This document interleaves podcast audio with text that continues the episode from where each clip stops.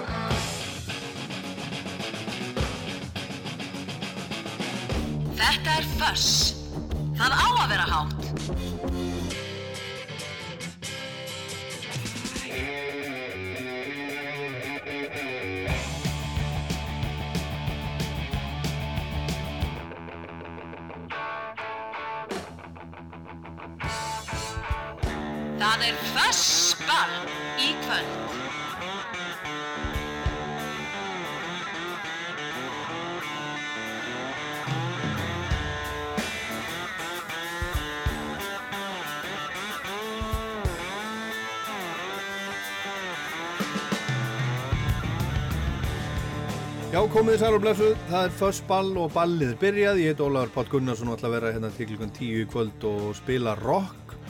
Og Jeff Beck, hann kemur svolítið við sögu núna í þessu þætti kvöld vegna þess að hann var að deyja, blessaða kallinn, hann var hann var 78 ára og var nú bara í fullu fjöri. Hann var að túra á síðast ári og út blödu í fyrra með Johnny Depp. Gerðu þess að blödu saman, kynntust fyrir ekkert löngu síðan og urðu bara eins og bræður, saði Jeff Beck og gerðu blödu sem að heitir Ádján 18 og hún er plata þáttarins hérna í kvöld en ég ætla að spila líka uh, meira uh, með Jeff Beck heldur en bara af þeirri blödu, hann var náttúrulega bara ótrúlega mikið séni Sumir hafa talað um hann sem, sem Salvador Dali gítarleiksins og við byrjum hérna einmitt á, á einum af svona lærisveinum Jeff Beck á Íslandi, Sigurgir Sigmundsson, hann átti fyrsta lægi sem við heyrðum hérna í þettunum. Það er að blöðunni hans sem að koma út fyrir nokkrum árum, kom út 2015, heitir bara Sigurgir Sigmundsson og lægi heitir Riðið yfir Mælifells sand og Sigurgir skrifaði á Facebook núna eftir að þetta var ofinbært að Jeff Beck var í látin, sorglegt, næstu því eins og að missa vinn, búin að hlusta og dásta þessu manni í 50 ár. Hann gæti alltaf komið mann óvart með snildsinni og frumleika, svona er lífið en gítarleikurinn hans mun lifa, kvíl í friði. Hann uh, lérst á völdum heila himnu bólgu og lérst bara innan um fjölskyldunum sína og ég tek undir sig og gerir kvíli hann í friði. Hann var algjör mistari, kom og spila á Íslandi fyrir nokkur árum í Háskóla Bíói ég sá hann spila og ég talaði líka við hann smá í síma áður hann að koma, heyra kannski smá brota því á eftir en við skulum heyra næst lag ósungi lag með honum sem er búið að vera á efniskráni á tónleikum hjá honum bara alla tíð held ég. Kom út 1966, heitir Becks Bolero. Og þetta er ansið þekkt í gítarheimunum svona instrumental gítar lag og þannig er ekkert smá lið sem er með honum. Keith Moon spilar á trommur, Jimmy Page spilar á gítar hann með honum. Þannig er John Paul Jones og Led Zeppelin líka á bassa. Og Nicky Hopkins sem að spilaði mikið með Rolling Stones og Led Zeppelin til dæmis og þetta byggir Beck sem var hann bara kodnungur, bara rétt rúmlega tvítur, hann byggir þetta á Bolero eftir Ravel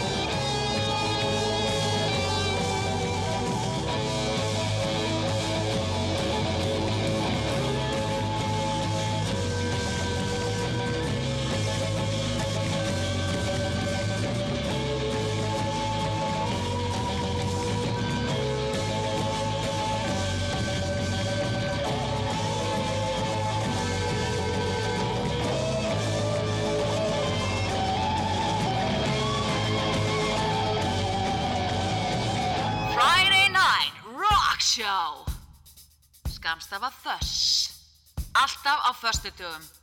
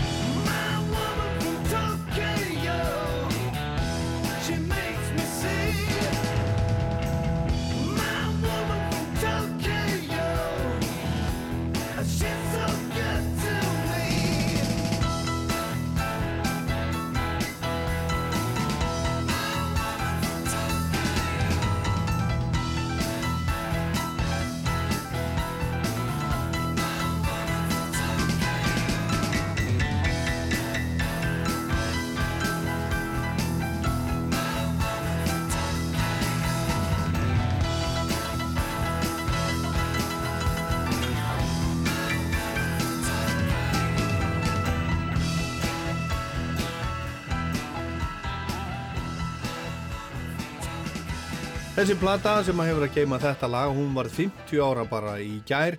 Who Do We Think We Are, sjönda stúdioplata Deep Purple kom út 12. janúar 1973 og þetta er líklega þekktasta lagið af plötunni. Woman from Tokyo og það má vel vera að þessi plata verði plata þáttarins núna einhver tíman, einhver tíman bráðum, ég veist ekki sérstaklega ólíklegt. En nú ætlum við aftur að heimsækja Jeff Beck sem að var að, var að deyja og heyra lag sem að hann spilar með Yardbirds. Yardbirds var hljómsveit sem hann gekk til leys við 1965 tók við af Eric Clapton og það er plata sem heitir Having a Rave Up with the Yardbirds sem er önnur plata þar sem að koma út í bandarækjunum þar er, þar er, er Jeff Beck á aðliðinni og Clapton spilar á bjelliðinni og ég held að þetta sé örglega rétt hjá mér. Þetta var reynda svo uh, merkilega hljómsveit þarna voru uh, náttúrulega þessi tveir mistrar gítarsins Fizz Clapton og svo Jeff Beck og Jeff Beck var nú reygin á endanum úr, úr hljómsveitinni. En það er nú annu saga. En hann spilar með þeim held ég alveg öruglega í þessu lagi sem við ætlum að spila hérna á þessari, þessari plötu. Having a Rave Up with the Yardbirds. Lagið Heartful of Soul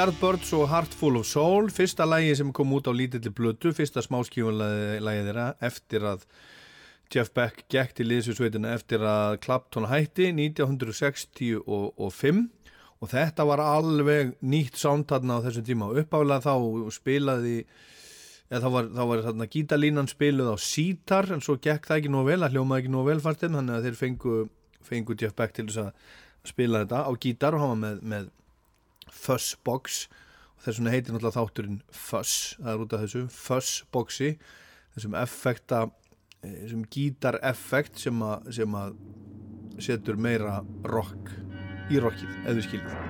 En þetta var Beck, Beck blæsaður 1965 nú var hann dáin, heyrum betri í honum og eftir og meira, en hér er næst Slate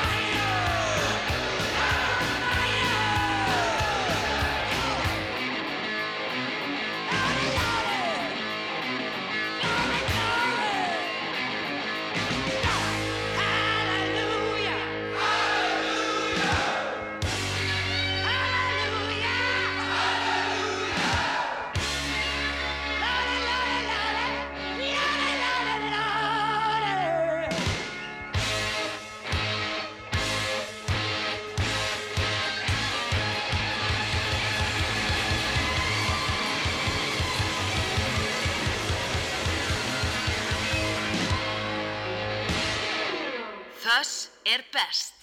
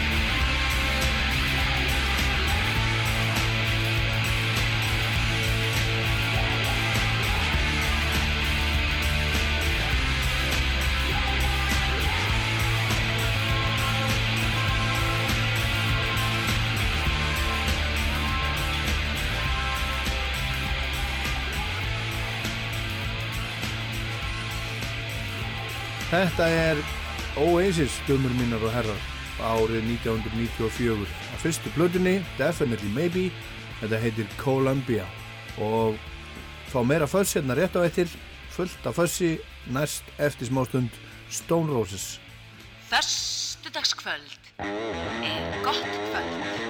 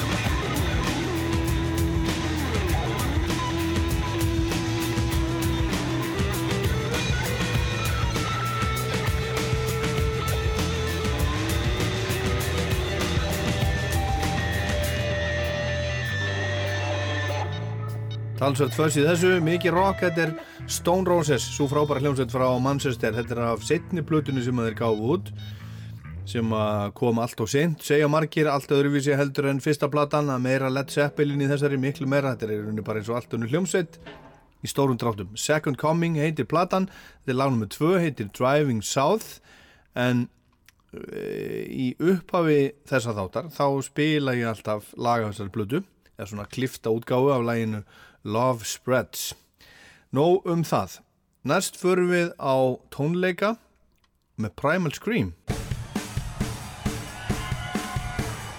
He's still fucking rocking. He's still a motherfucker.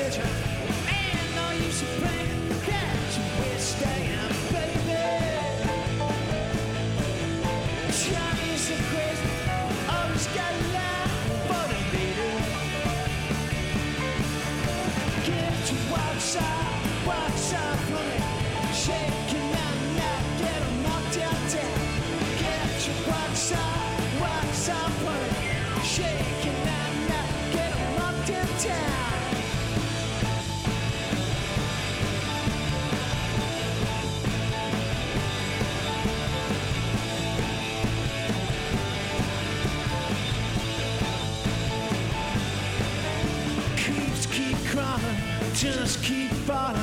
Teaser keep teasing, hope Joe's a preacher. Cops keep busting, hustler keeps hustling. Dad keeps knocking, south out of the auction.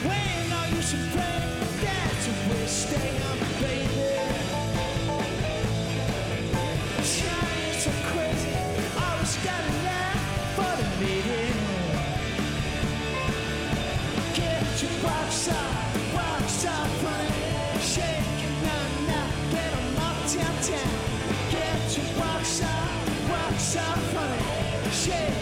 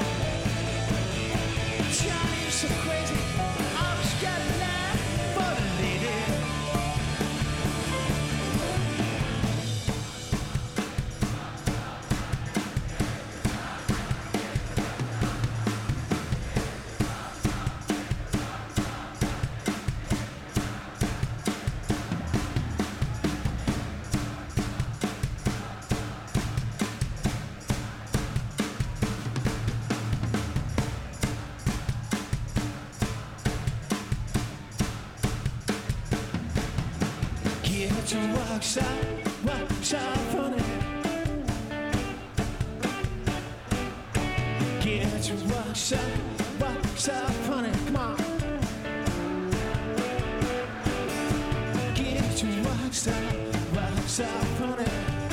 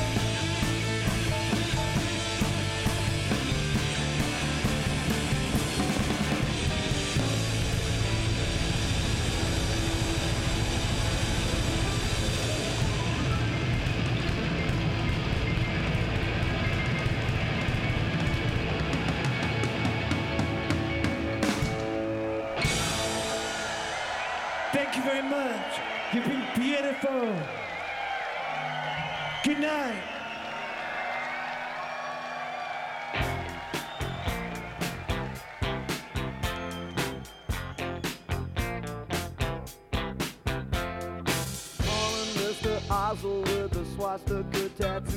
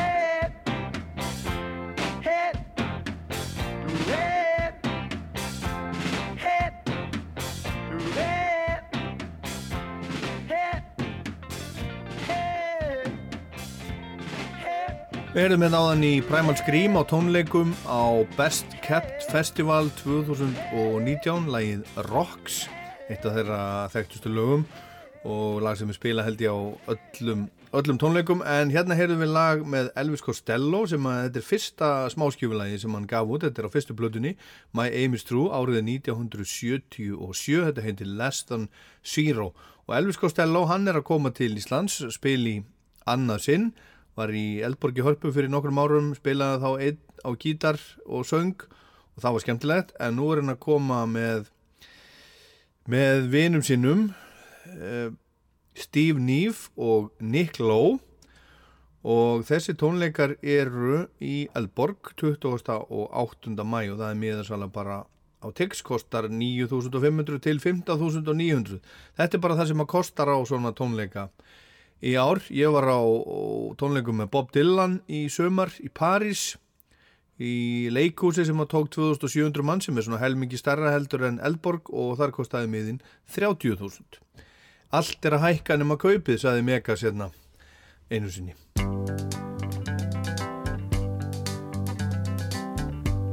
We're caught in a trap. I can't walk out because I love you too much, baby. Why can't you see what you're doing to me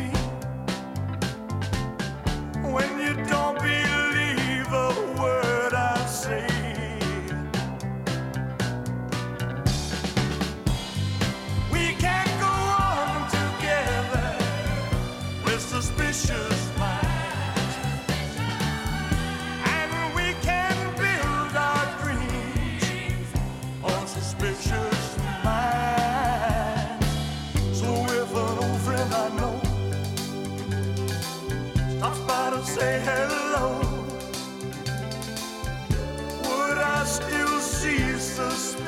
Hallelujah.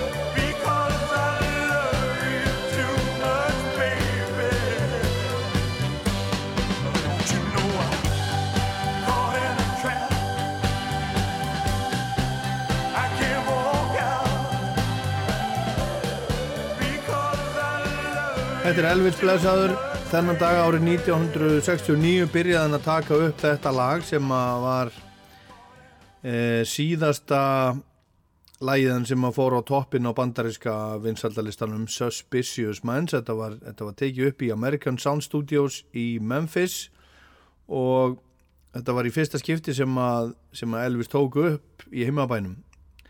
E, síðan að tóku upp í Sun Records 1956 þegar hann var bara að byrja og tengt Elvis, hún var að, hún var að deyja dóttirnas, það á ekki af þessu fólki að ganga. Lisa Marie Presley enga dóttir Elvis og Priscilla Presley hún er látin 54 ára að aldri. Hún var uh, flutt á sjúkrás eftir að hún fór í hjartastopp heima hjá sér í Calabasas í Kaliforníu í, í gærmörgun og Priscilla er búin að senda frá sér frettatilkynningu og saði einhvern veginn svona með harmi hjarta deili ég þeim frettum með að fallega dóttir mín Lísa Marí hefur yfirgefið okkur. Þetta er alveg svakalett hún var, hún var 54 ára gummul skrítið og sorglegt. En aðeins meira af Elvis. Það kom út skýsla árið 2005 sem að saði frá því að það var ekki búið að semja fleiri lög um neitt tónlistamann en Elvis. Satt? Elvis er vinsalt umfjöllunarefni í lögum og þau voru hérna 2005 orðin 220 talsins, þau eru orðin miklu fleiri í dag. Þetta eru lög eins og Graceland með Paul Simon Ca- Calling Elvis með Dire Straits Happy Birthday Elvis, Láton Wainwright III um, I saw Elvis in a UFO eftir Ray Stevens. Elvis Has Left the Building eftir Frank Zappa og lagið sem ég ætla að spila hérna sem að heitir A Room at the Heartbreak Hotel og er með U2 og það er mikið að gera hjá U2 þessa dagana, sé ykkur kannski aðeins betur frá því og eftir en við skulum heyra hérna þetta lag sem kom út á bjellið smáskifunar Angel og Harlem árið 1988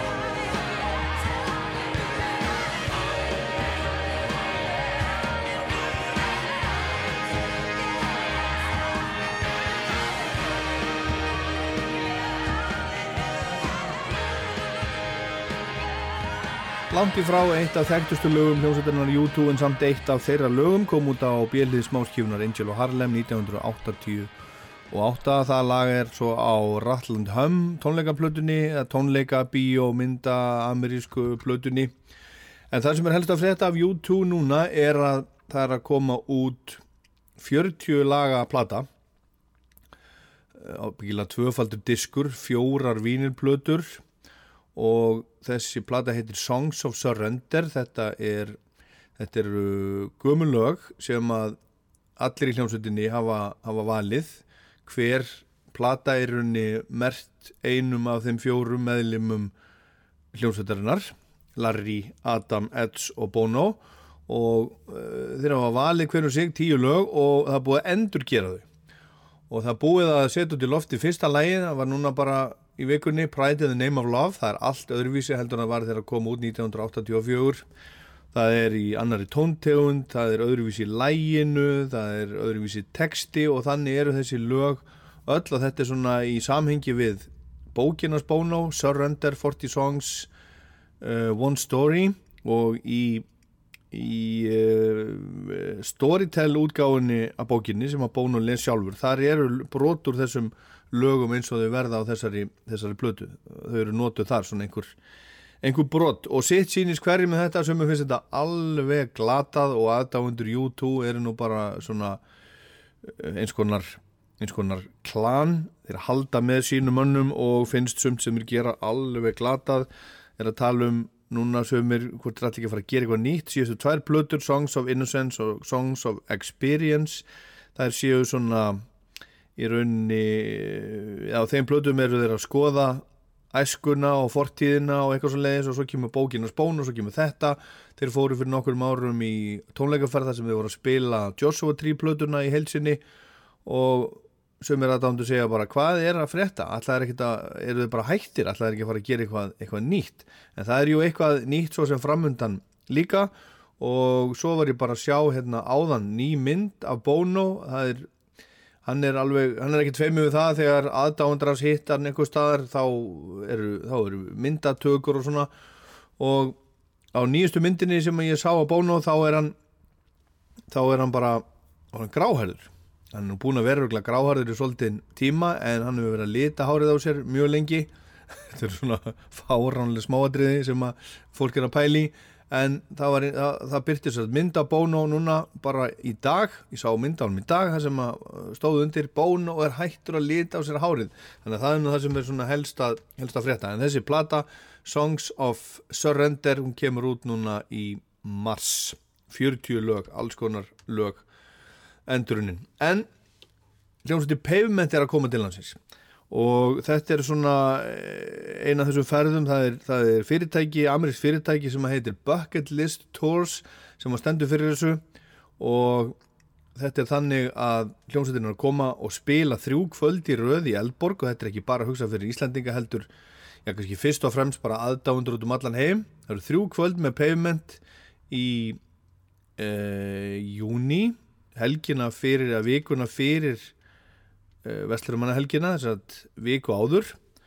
Og þetta er hugsað svona fyrir fólk sem að vil koma bara til Íslands harða aðdáður payment sem vilja koma til Íslands, fara í ferðalag, fara í bláa lónið og svona og upplifa Ísland og sjá upp á hljómsveitinu sína jafnvel þrjú kvöld í röð. Og það verður líka hægt að kaupa miða hérna, það er, er sérstök miðansala fyrir Ísland sem verður opnuð í hádeginu á fymtudaginn á Hörpu vefsíðu hörpu en maður þarf að skrá sig á postlista þeirra. Og það er, er mjög einfalt. Maður fyrir bara inn á harpa.is og, og, og, og finnur hvernig maður skráir sig í á þennan, þennan postlista og maður þarf bara að setja nafnu sitt og netfang og þar með það bara komið ef maður hefur áhugaðurinn að fá miða á payment sem ég veit að margir vilja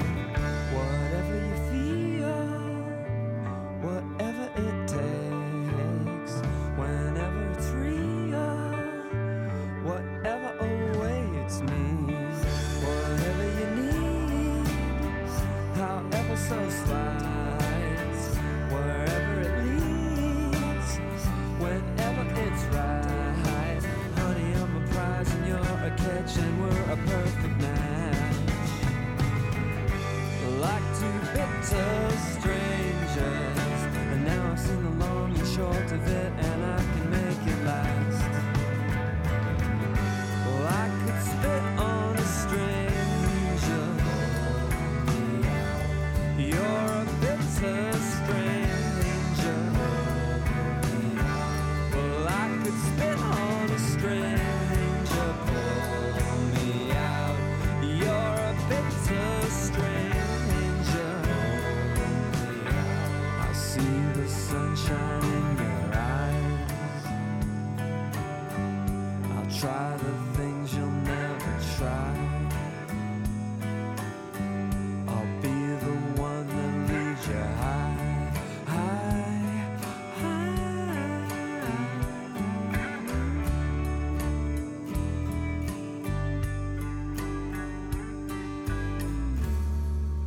Hljómsveitin Pavement og lag sem heitir Spit on a Stranger kom út 1999 af, og er á síðustu plötunni þeirra sem þeir, þeir gáðu út meðan þeir voru starfandi áður en þeir hættu og svo komuðu saman löngu setna og eru en þá að spila.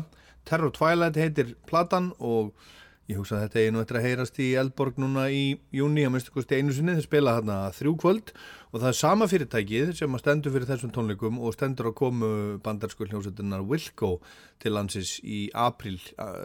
Wilco verður í hörpu í, í Dimbilvikunni og þetta er hugsað svona eins, þrjú kvöld hugsað fyrir útlendinga fyrst og fremst sem að fljúa hinga til Íslands upplifa svolítið, Ísland fara í litlar ferðir, gist á hóteli einhver staðar í Reykjavík uh, upplifa Reykjavík fá sér að borða skoða sig um og fara svo á tónleika þriðis ásinnum, þrjú kvöldiröðu með upp á hljómsveitinu sinni. Hér er Wilco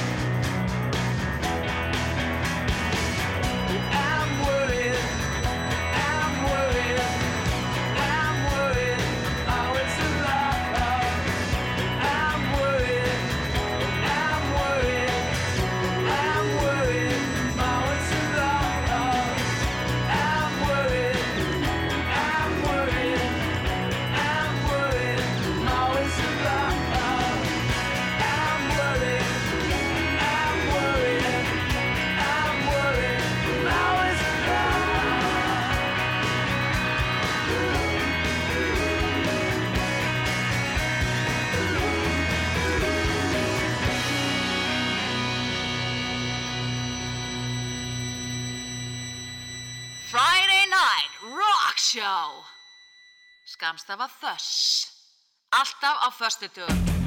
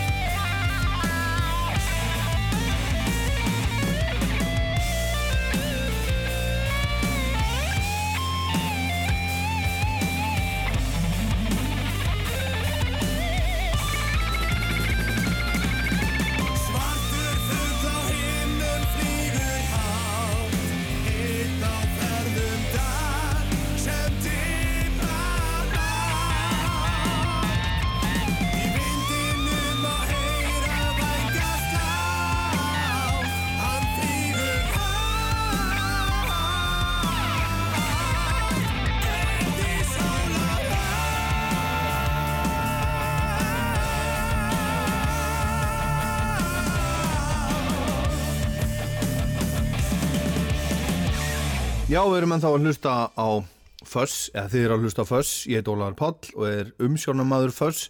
Hérna heyrðum við í strákunum í Dimmu og lag, fínt lag sem heitir Svartur fugl.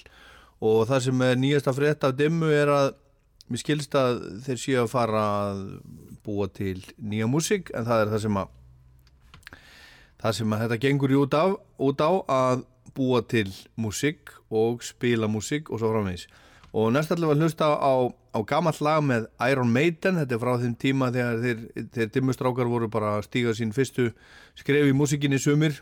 Sumir bara svona um það bil að, að fæðast reynlega þetta er frá 1983 og Iron Maiden er að fara, fara að túra. Þeir eru alltaf að spila núna í sumar til dæmis á Sweden Rock Festival í, í Svíþjóð Sweden Rock er í Svíþjóð og ég stefna því að fara á Sweden Rock. Til að sjá hvernig það gengur. Þeir eru meðal hans að spila þar. En þetta er Children of the Damned.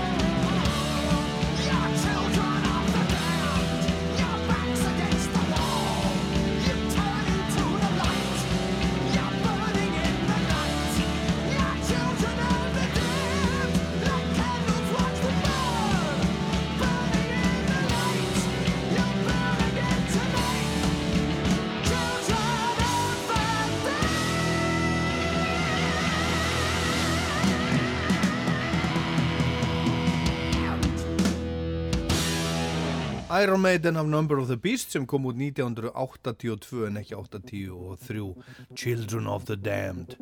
Og þá er það næst árið 1975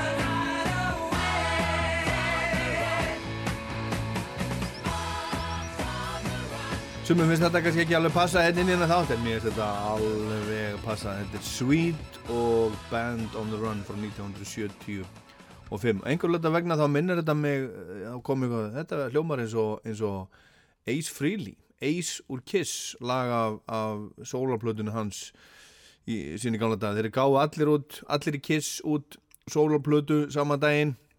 Þar svona spilum við þetta næst Ace, en ekki, hans eigi lag ekki Kiss lag, heldur lag eftir Rolling Stones Street Fighting Man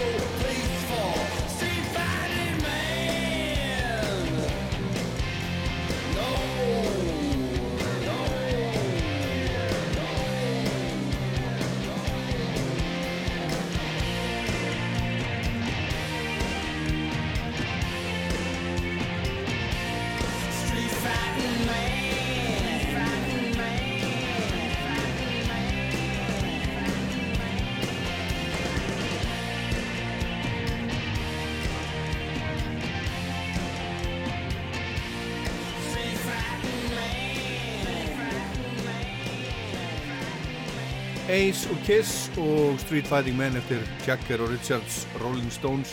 Sem gaf þetta út á soloplötu fyrir, fyrir nokkrum árum. Þá kom að lægi af plötu þáttarins sem er nýjasta plata Jeff Beck, platan sem hann gerði með Johnny Depp leikarannum og gítarleikarannum Johnny Depp, hann hefur nú oft heilla mig á kvítatjaldinu eða í sjónvarpinu mínu en mér finnst nú ekkert mikið svo sem til hans koma upp á sviði með gítar en hann má bara gera það sem honum sýnist. Og þeir kynntust fyrir nokkrum árum og mér skilist að hafi verið þannig að Johnny Depp bankaði upp á hjá honum, vildi fá að hitta hann baksviðs þegar hann var að fara að spila einhverju tónleikum. Og þeir hittust og fóru að spjalla saman og urðu bara svona góður félagar, eittur og bingo og gáð plötu núna í fyrra sem heitir Átján eða 18 og þetta er þetta eru hinn og þessi lög uh, þetta er coverlagplata, lög eftir Killing Joke, Beach Boys, Marvin Gaye Miracles, Velvet Underground, Everly Brothers Janis Ian og fleiri og svo eiga þeir eitthvað þarna sjálfur, sömdu eitthvað sjálfur líka. Og þetta er plata þáttarins og ég ætla að spila lag af henni sem að heitir This is a song for Miss Hedy Lamar. Og þetta samti Johnny Depp á samt á samt uh, Tommy Hendrickson sem er með honum í, í uh, supergrúpunni Hollywood Vampires, það er Johnny Depp og það er Alice Cooper og þessi Tommy Hendrickson og einhverjir, einhverjir fleiri. En þessi Hedy Lamar ef að þið þekkja hann ekki þá var hún leikona og uppfinningakona. Hún hóf leikferilinn í Tjekkoslovakíu en í upphafi setni heimstyraldar þá þróuðu hún og tónskáldi George Antwile saman aðferð til að koma í veg fyrir að óvinnur í hernaði trublaði sendingu á útvarspilgjum þannig að þetta var eh, stórmerkileg, stórmerkileg kona og það er svo komið út laga á þessari blödu með Johnny Depp og Jeff Beck sem er tilengað þessari konu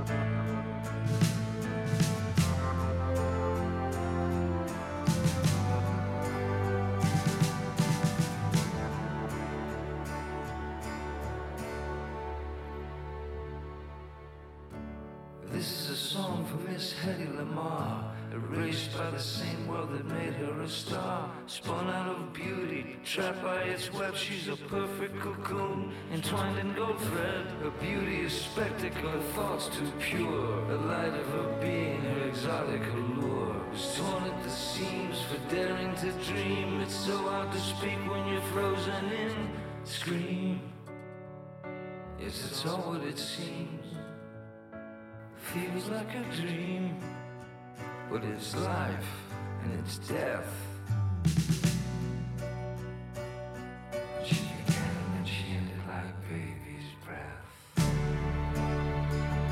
Don't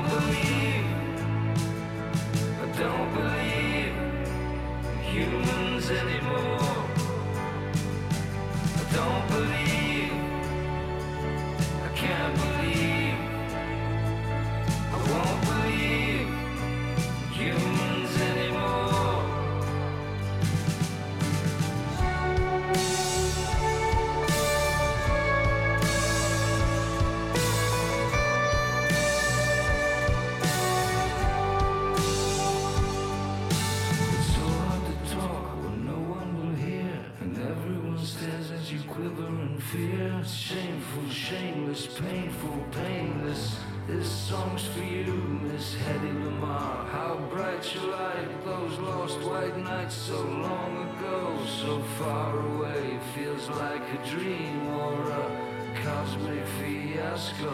I don't believe, I don't believe.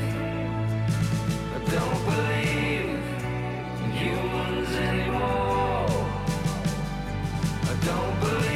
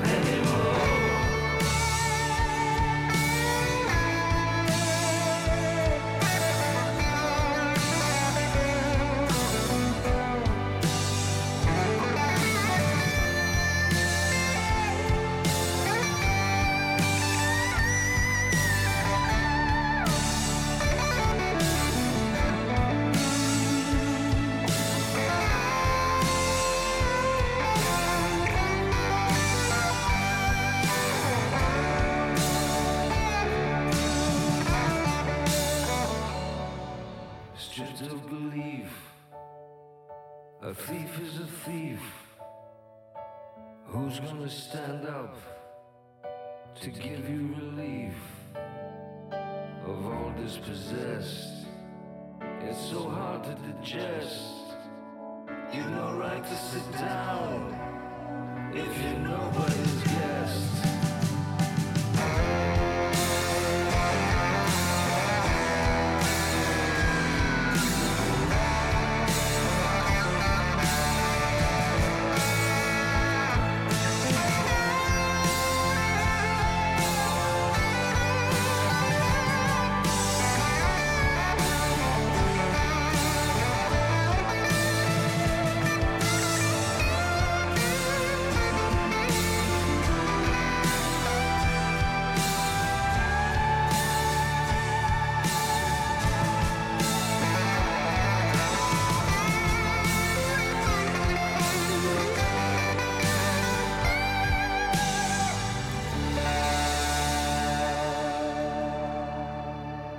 Það held ég nú af blödu þáttarins 18 með Jeff Beck og Johnny Depp. Þetta lag sem er tilengað Hedy Lamar. This is a song for Miss Hedy Lamar. Ég ætla að spila næst lag eftir hljómsveitina The Who, gammalt lag, en hérna er flutt af Jolin Turner sem var söngvari í Rainbow og hann var í smástund í Deep Purple og smástund í Black Sabbath líka, eins og nýtt.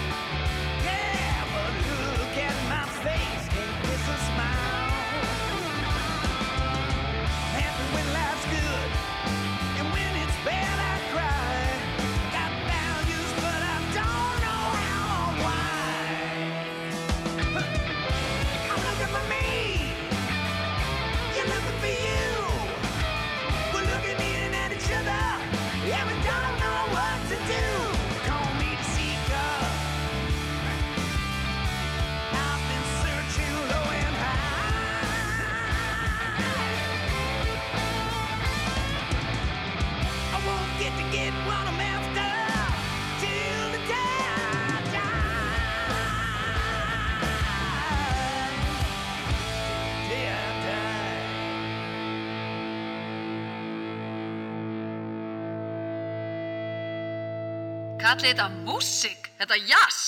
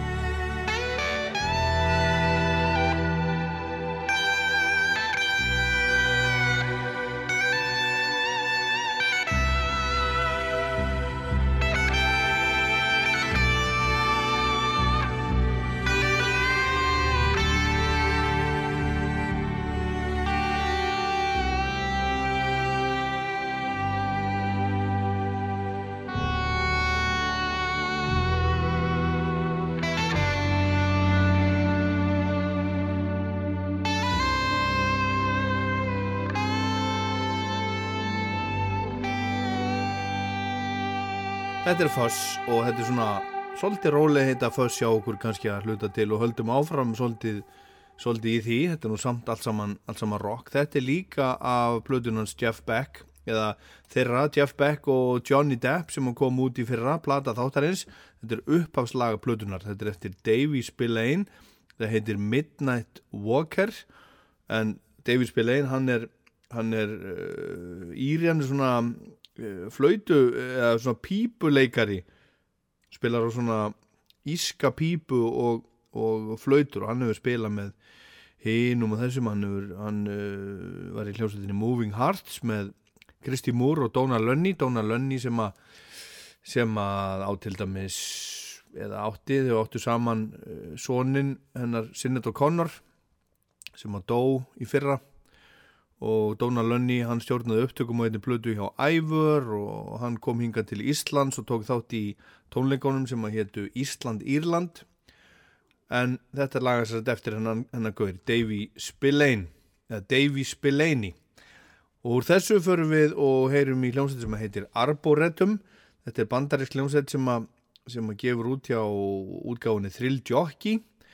Og þetta er að blödu sem að koma úr 2017 og heitir Song of the Rose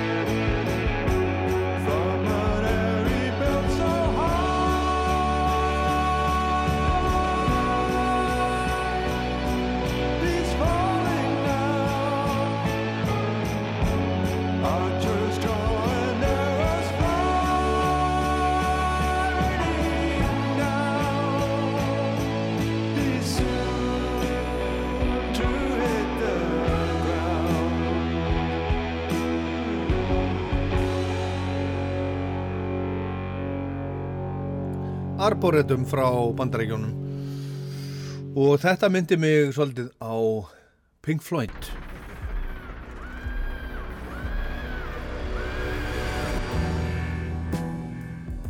Mér finnst við að spila þetta núna vegna þess að núna 11. februar verða tónleikar í Eldborgi Hörpu Dark Side of the Moon 50 ára og þar eru flytjendur, þetta er svona næstu því dundufréttir, þetta eru Matti Matt, söngur og gítar, Magni Áskjesson, söngur og gítar, Einaþór Jóhannesson, gítar og söngur, Ólafur Holm, trommur, Ingimundur Óskarsson, bassi, Haraldur Vaf Sveinbjörnsson, hljómborða og rattir, Helgi Reynir Jónsson, hljómborð, gítar og rattir, Steinar Sigurðarsson, saxafón og svo er það rattir, Alma Rudd, Erna Hrönn og Íris Holm.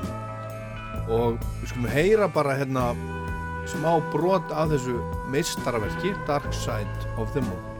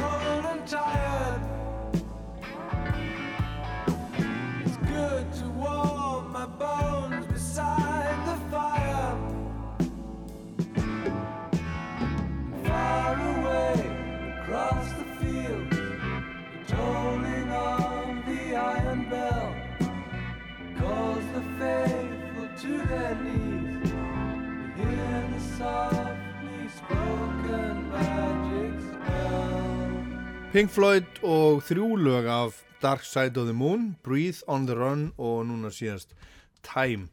En það verður uh, spilað, þetta verður spilað í Hörpu, Eldborgi Hörpu, 11. februar næstkomandi í tilmuna því að platan er, er 50 ára og svo verður þetta í hofi á Akureyri helgina eftir átjánda. Og þetta eru þetta, þetta dundurlið sem hefur svo sem gert þetta, þetta áður undir nafni dundufrétta, þetta er svona næstu því sami, sami mannskapur og þeir kunna þetta alveg fram og tilbaka. En Johnny Rotten, John Lydon úr Public Image og Sex Pistols, hann komst í tónlistafréttina núna í vikunni vegna þess að hann var að senda frá sér lag, eða Public Image Limited var að senda frá sér lag sem heitir Hawaii sem að uh, Johnny tilengar Nóru, koninu sinni til 47 ára sem að er með Alzheimer. Og þetta lag er að keppa fyrir hönd Írlands eða þetta er eitt af lögunum sem er í söngvakeppninni á Írlandi. Þannig að ef að þetta lag vinnur þá fer Johnny Rotten úr Sex Pistols í Eurovision. Það væri nú eitthvað, það er nú bara það er nú bara komin ástæða fyrir marga til þess að, til þess að kveikja á Eurovision ef að af því verður. En Johnny Rotten, Sex Pistols. Johnny átti einu sinni ból það er svona, svona þjóðsaga úr, úr, úr, úr tónlistarheiminum. Bólur sem að Johnny Rotten var í þegar hann var ungum maður sem að stóð á I Hate Sex Pistols. Og þegar Johnny kom inga til Íslands á Æsland Erfurt fyrir nokkrum orðum og vigði líka punk-safnið þá fór ég að hitta hann. Ég fekk viðtal við hann sér satt fór að hitta hann, það var mjög skemmtilegt og ég spurði hann meðal annars út í þetta. I want to ask you about the about the uh, you know historic T-shirt you were wearing, the I hate. Oh, yeah, well, there's a- Why did you Yeah, make, no, make I'll, I'll tell you. Yeah. Here's a beautiful piece of irony. I didn't hate Pink Floyd, but I hated the T-shirt. it was a vile, sickening pale green with a blurry photo of them uh, and, and Pink Floyd written on it. And I bought it just for a laugh. Of her yes, because I, I look ni- nothing like a Pink Floyd fan, although I wouldn't say fan, but I've always admired their stuff. It always seems to end up in my record collections one way or the other. And so out I'd go in that just to agitate, I suppose, and have a laugh. Um, of course, then a whole movement of people come out with the idea that they hate Pink Floyd. I mean, how foolish. this is my expression, my own self determination. Do not copy me. I will never appreciate you copying me. I, don't, what I expect in life is individuality in every single human being. As many people as there are on the planet is as many governments we should have. Self determination. Mm. And so there it is. I don't hold any personal hates really to any musicians. I have personal dislikes though in music. I don't like New Orleans traditional jazz. It always reminds me of traffic jams and and, and not getting somewhere on time. you know, it, it's, it's how I relate to Yeah. things. It's, it's, I'm a, a stickler for being on time. Mm-hmm. This is like always. I, ne- I never believe in letting anyone down. If I say I'm going to be somewhere at 3 p.m., I'll be there 5 to 3 Okay. right? And then walk in at three. That's how I am. I care about that. And so anything that reminds me of a traffic jam and being stuck in traffic, no.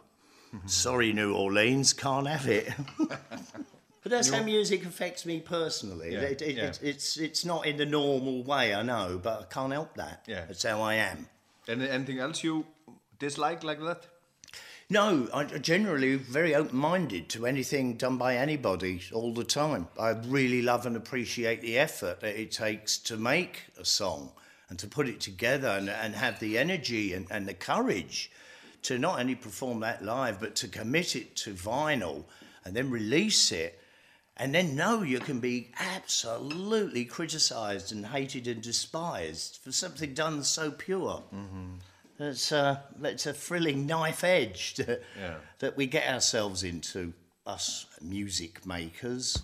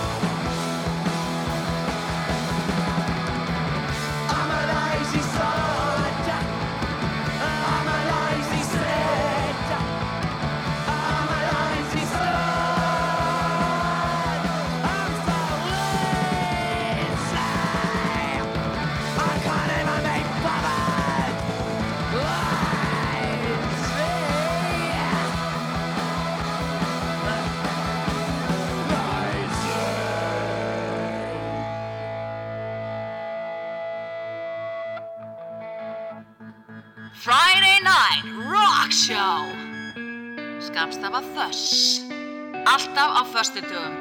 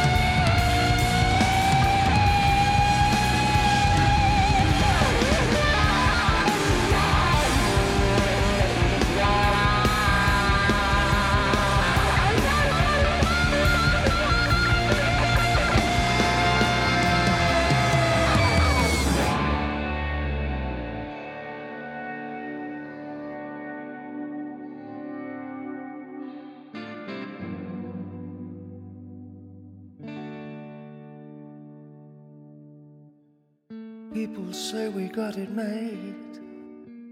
Don't they know we're so afraid?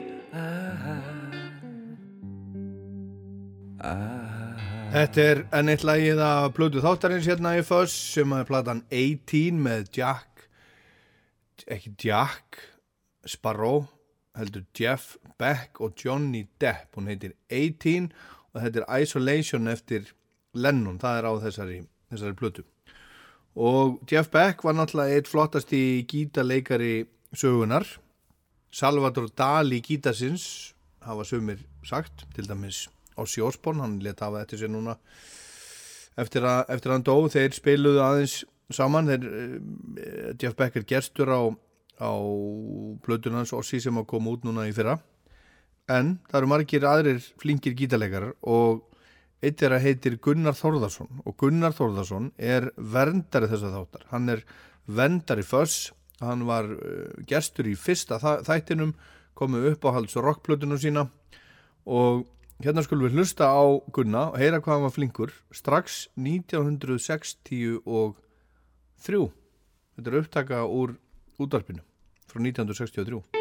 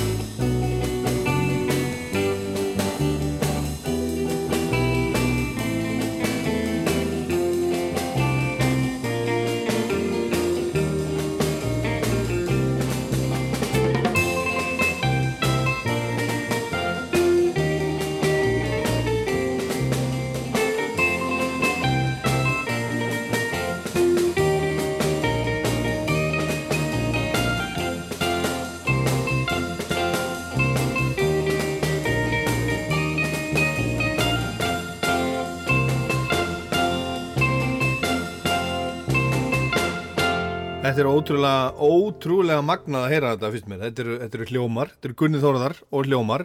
Hljómar áður en þeir eru bítlaljómsveit, þannig eru þeir uh, svona Shadows band, þetta er, þetta er Wonderland Shadows lag og þetta var tekið upp 9. oktober 1963 fyrir lög unga fólksins og þetta var, þetta var, þetta var tínt en svo var bara hlustandi sem að sem átti þetta og sem betur fyrir er þetta til, þetta er alveg ótrúlega skemmtilegt. Og það er svolítið magnað að pæli því að þegar Gunni og hljómarnir voru að spila þetta í Keflavík á svona tíma þá voru ungi menn í Winnipeg í Kanada að gera nákvæmlega það sama. Þeir voru að spila nákvæmleins músík nema þeir voru að semja semja sjálfur, hér er upptaka frá hljómsveit frá Winnipeg sem heitir, eða hétt, The Squires Þetta er frá 20. og 3. júli, þetta er bara nokkur mánuðum áður, 1963. Lægi heitir The Sultan og aðal gítarleikarinn þarna heitir ekki Gunni Þórðar, heldur Neil Young og þeir eru jafnaldrar.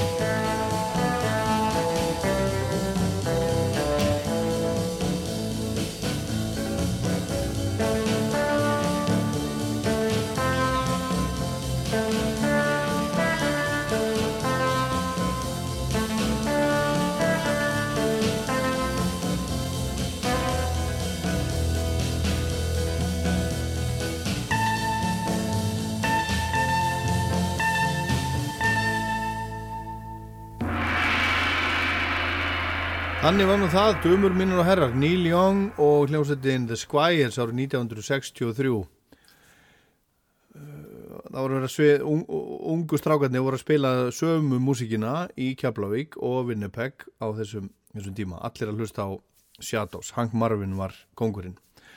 Og Jeff Beck hefur örglega hlustað á Hank Marvin líka við erum búin að vera svolítið að taka ofan fyrir honum og ég ætla nú að gera meira því í Rocklandi lík, líklega eftir viku eða tvær vikur. Ég tók nefnilega viðtal við hann að kom hinga til Íslands uh, fyrir nokkrum árum og spilaði í Háskóla Bíói og við ætlum að enda á að heyra uh, Jeff Beck sem á dó núna í vikunni. Hann er, hann er ári eldri heldur en Jóng og Gunni Þórðar 78 ára gamall fekk heila bólgu, var að túra í fyrra fylgja eftir þessari plötu sem hann gerði með Johnny Depp sem heitir Ádján og við erum búin að heyra þrjú lög af. En hann vann svolítið uh, á svona tíma með George Martin bítla upptökustjóra og þegar George gerði plötu fyrir 20 áru síðan eitthvað sliðis með alls konar skemmtilegum og áhefbundnum útgáfum af bítlalögum var Jeff með eitt lag A Day in the Life. Og hann spilar þetta, hefur spilað þetta svolítið á tónleikum eða spilaði með hann að lifði og með minnir að hann hafi spilað þetta á tónleikunum í, í Háskóla Bíó hérna á sínum tíma þetta var 2013 fyrir, fyrir tíu áru síðan þannig að við endum á að heyra Jeff Beck segja aðeins frá því þegar hann var að taka þetta upp með George Martin I, I was uh, a little bit behind with my choice of song, and he said, "What have you chosen?" And I, actually hadn't thought about it, and I just grabbed grabbed that name out of the air. He said, "What an amazing idea!" um, and for, actually, it was Paul was in the studio at the same time. They were listening to, um, they were going through old tapes of the Beatles, and it was really amazing because in in between uh, cups of tea, they said, "Listen to this," and it was John uh, John Lennon voice, and it sounded like he was in the studio. It was most uncanny on that day. That's what I remember most about that day, and um, the fact that George loved the idea of of uh, Day in the Life. So we went ahead and recorded it as a three piece with Pino Palladino and uh, Richard Bailey. Um, it sounded really empty until George put the orchestra on it. Já, þetta var, var tómlegt þangað til að George Martin setti, setti hljómsutina við þetta sem að Jeff Beck spilaði þarna á þessari plötu A Day in the Life sem að George Martin gaf út fyrir löngu síðan og svona endum við föss í kvöld. Takk fyrir að hlusta og verðið sæl. Góða helgi